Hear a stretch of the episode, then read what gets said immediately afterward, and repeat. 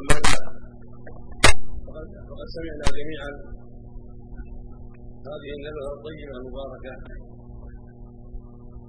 التي تولاها الشيخان شيخ عبد الله شيخ إبراهيم عبد الله اسماعيل فيما يتعلق بالسهول والتبرد ومساكن ذلك وما يلتحق بذلك.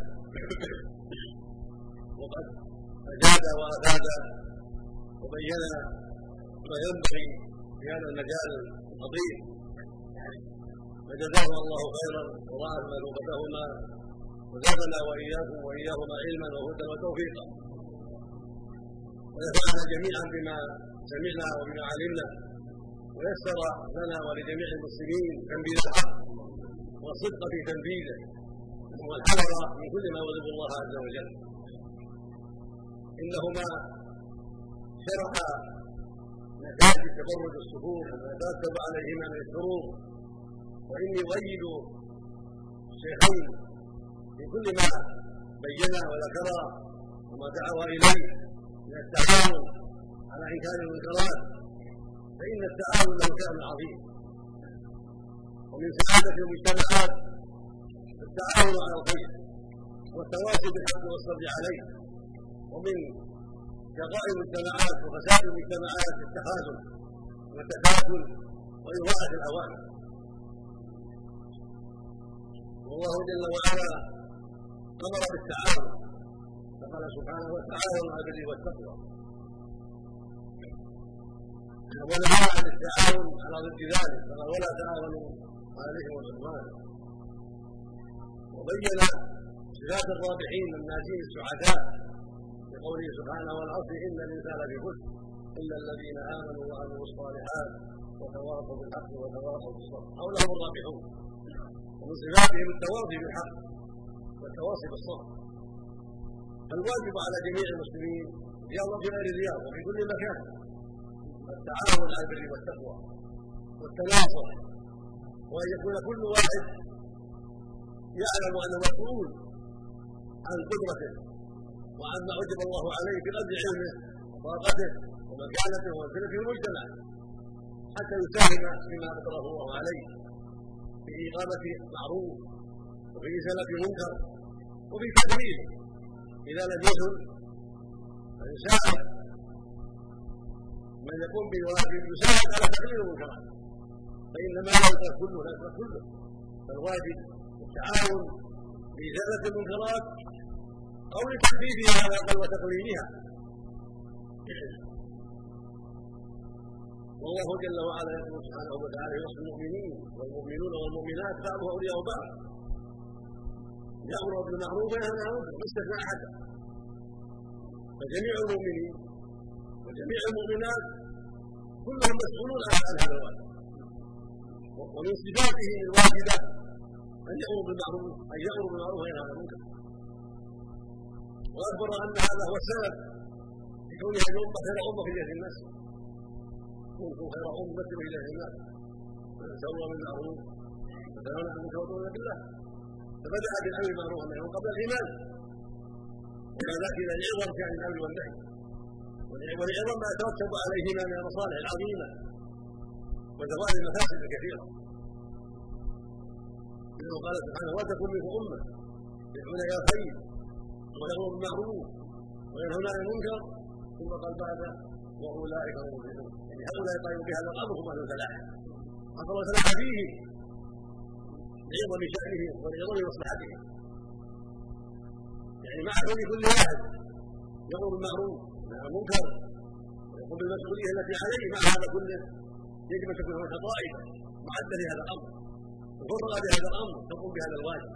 من الدعوه إلى الخير والامر بالمعروف عن المنكر حتى تتكاثر وحتى تتعاون مع بقية اعضاء المجتمع وافراد المجتمع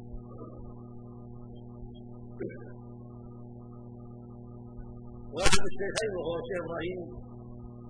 ورئيس هذا كان في هذه المدينة. رئيسات الله انه في هذه المدينة في الجاره وهو مسؤول مسؤولية عظيمة. وقد بين لكم ما يجب وأوصى بالتعاون على البر والتقوى. واحسن فيما قال الواجب التعاون. في انكار المنكر وبالدعوة إلى الخير وبتبليغه وأمثاله ما يجد عنه الانسان تبليغه وتبليغ من فوقه حسب الطاقه والامكان وبهذا تقل الشرور إذا إذا كان كل واحد يبذل ما يستطيع في نفسه في بيته وفي طريقه وفي جيرانه وفي مجتمعه الخاص وفي المجتمع العام. إذا بذل ما يستطيع لا شك. ان المنكرات تقل وان الخير يكثر سواء كان يتعلق بالسفور والتبرج أو بآلات الفيديو أو بالمسجلات التي يسجل يسجل فيها ما حرم الله أو بغير ذلك. وقت الصلوات أو غير هذا من الشرور وجود الخمور ومصانع الخمور أو غير ذلك. كل الشرور التي توجد يجب التعاون في ازالتها ولا شك أن الفيديو من البلاء. السماح بوجوده لا شك إنه من البلاء. ولو قرر ما قرر من منع استعمال الافلام الخليعة فإنها سوف تدخل وسوف تأتي بالطرق كثيره الخفية وبغير ذلك. ولا شك أن الواجب حد مادته بكلية. وان يمنع بكلية حتى لا تقع هذه الشرور التي يتحين لها الناس. فإذا لم يتيسر ذلك فلا أقل من التعاون على منع الافلام الخليعة. لا أقل من هذا الواجب وهو التعاون بين المسلمين على منع الافلام الخليعه التي توجد وتباع وتقدم وأن الإنسان إذا عرف شيئا من ذلك يرفع الأمر إلى من يقوم بالواجب رئيس الهيئة أو غيره رئيس الهيئة. وبحمد الله قريب وميسر وإلى من فوقه من الداخلية والملك وولي العهد حتى يحصل التعاون إلى المسلمين مع ولاة امرهم ولا شك إن الواجب على الدولة واجب عظيم. الدولة واجب عظيم. في ازاله هذه المنكرات واعانه الهيئات واعانه المسلمين على وجه هذه الشرور الواجب عليها عظيم. لا فيما يتعلق بالمستشفيات ولا فيما يتعلق بالطائرات ولا فيما يتعلق بالاسرار ولا في غير ذلك. الواجب عليها عظيم. فنسأل الله أن يعينها على أداء الواجب. حتى تتكاثر الجهود وتظاهر الجهود على إزالة هذه الشرور فإن فإن الهيئة وغير الهيئه الله ثم بالدولة فإذا كانت المساعده من الدولة عظيمة وكبيرة كانت الاثار أكثر فلاحا وأكثر استفادة.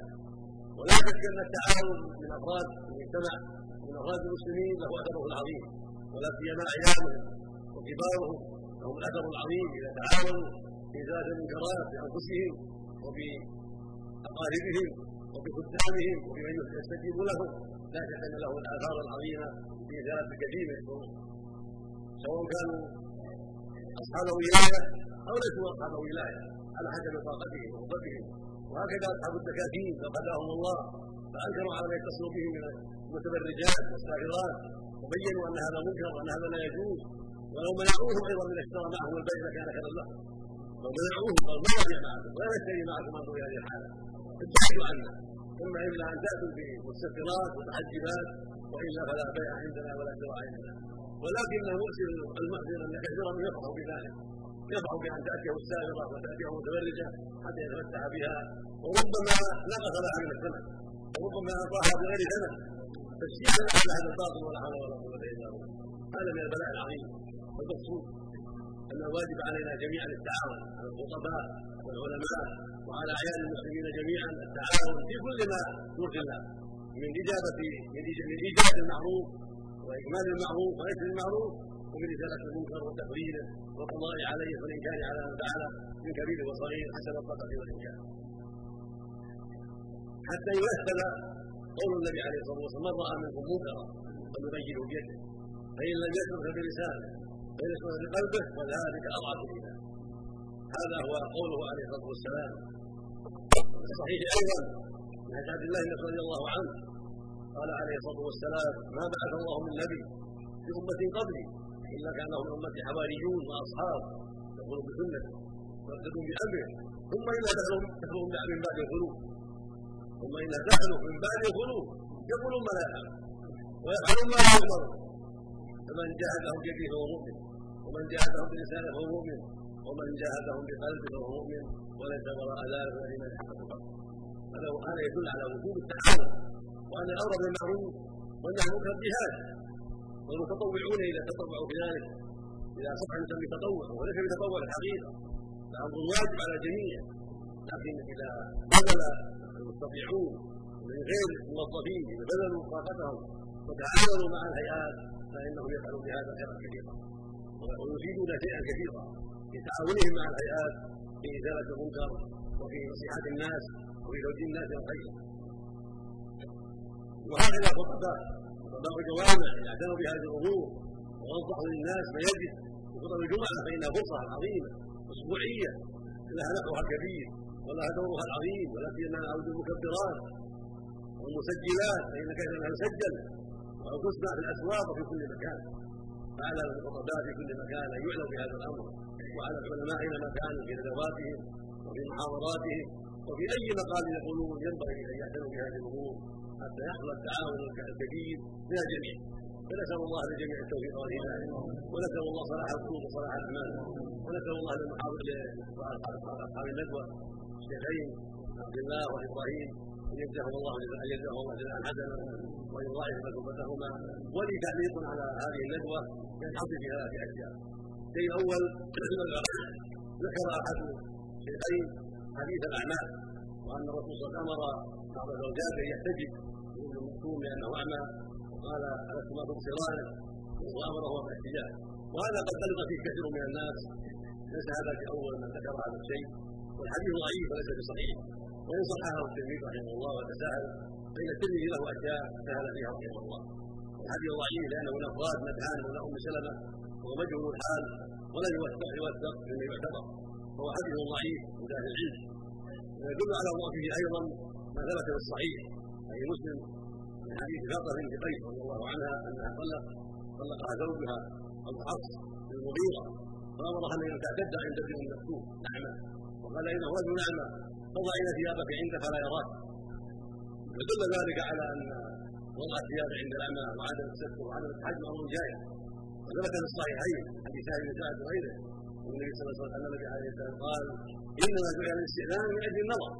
الاستئذان انما من أجل النظر لأن الناظر ينظر العورات والاعمى لا ينظر العورات فلا يجب الاحتجاب عنه وإنما يبقى غض البصر من الرجال والنساء بل والرجال مامور بغض البصر عما حرم الله والنساء مأمورات بغض البصر عما حرم الله. أما الاحتجاب فإنما يكون عن النظر ومن ينظر ومن يبصر لا عن الاعمى وقال بعض أهل العلم على تقدير صحة حديث الأعمال إنما هذا خاص بأمهات المؤمنين جمعا بينه وبين حديث فاطمه بنت قيس جلوسها عند ابن المكتوم وأن تضع ثيابها عنده.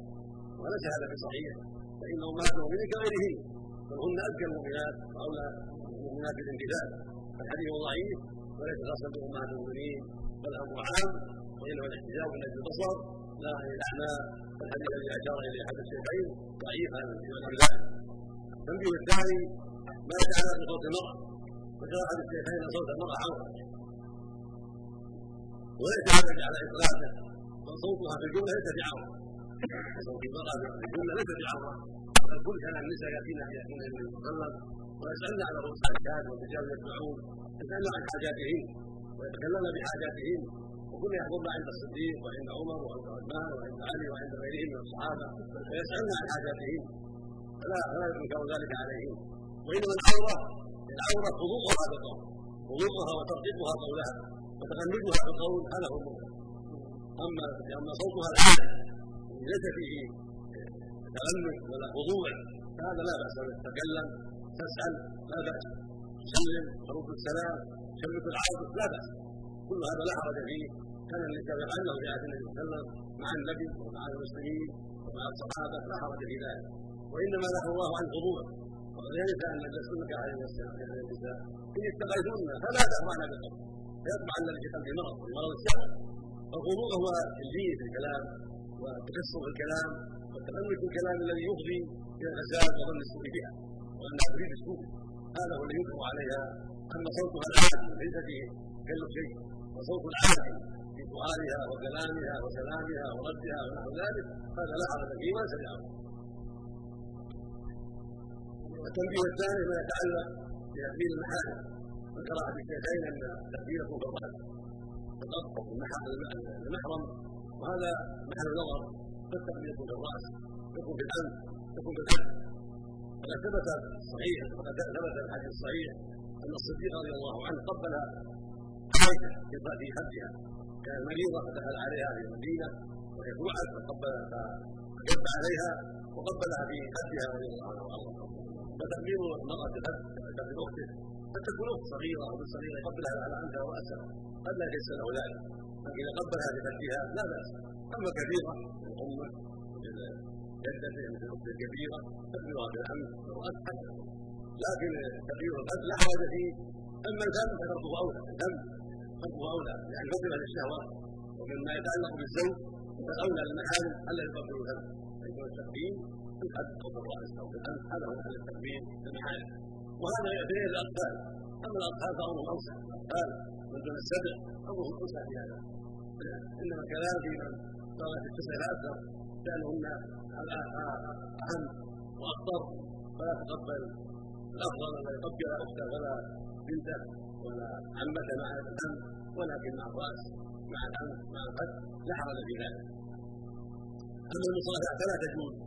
المصافحه كما قرر الشيخان لا مصافحه النساء ابدا. الا المحارم لا بأس ومن العادات السيئة في كثير من البلدان هنا وغير هنا انها ان الرجل يصافح ابنه عمه وجارته وهذا غلط المصافحه افضل من النظر فالواجب منع ذلك وترك ذلك. يسلم من بعيد. من غير من غير مصافحه السلام عليكم. كيف حالك ويتقول كيف حالك؟ كيف أولادك؟ كيف أولادك؟ المصافحه فلا المصافحه تكون بين المحارم وبين الرجال وبين النساء المسلمين أما بين الرجل والمرأة فلا إلا إذا كانت محرما له إنه وفق الله جميعا ونصح نية جميعا وزادنا وإياكم جميعا علما وتوفيقا وهدى وصلى الله وسلم على نبينا محمد وعلى آله وصحبه.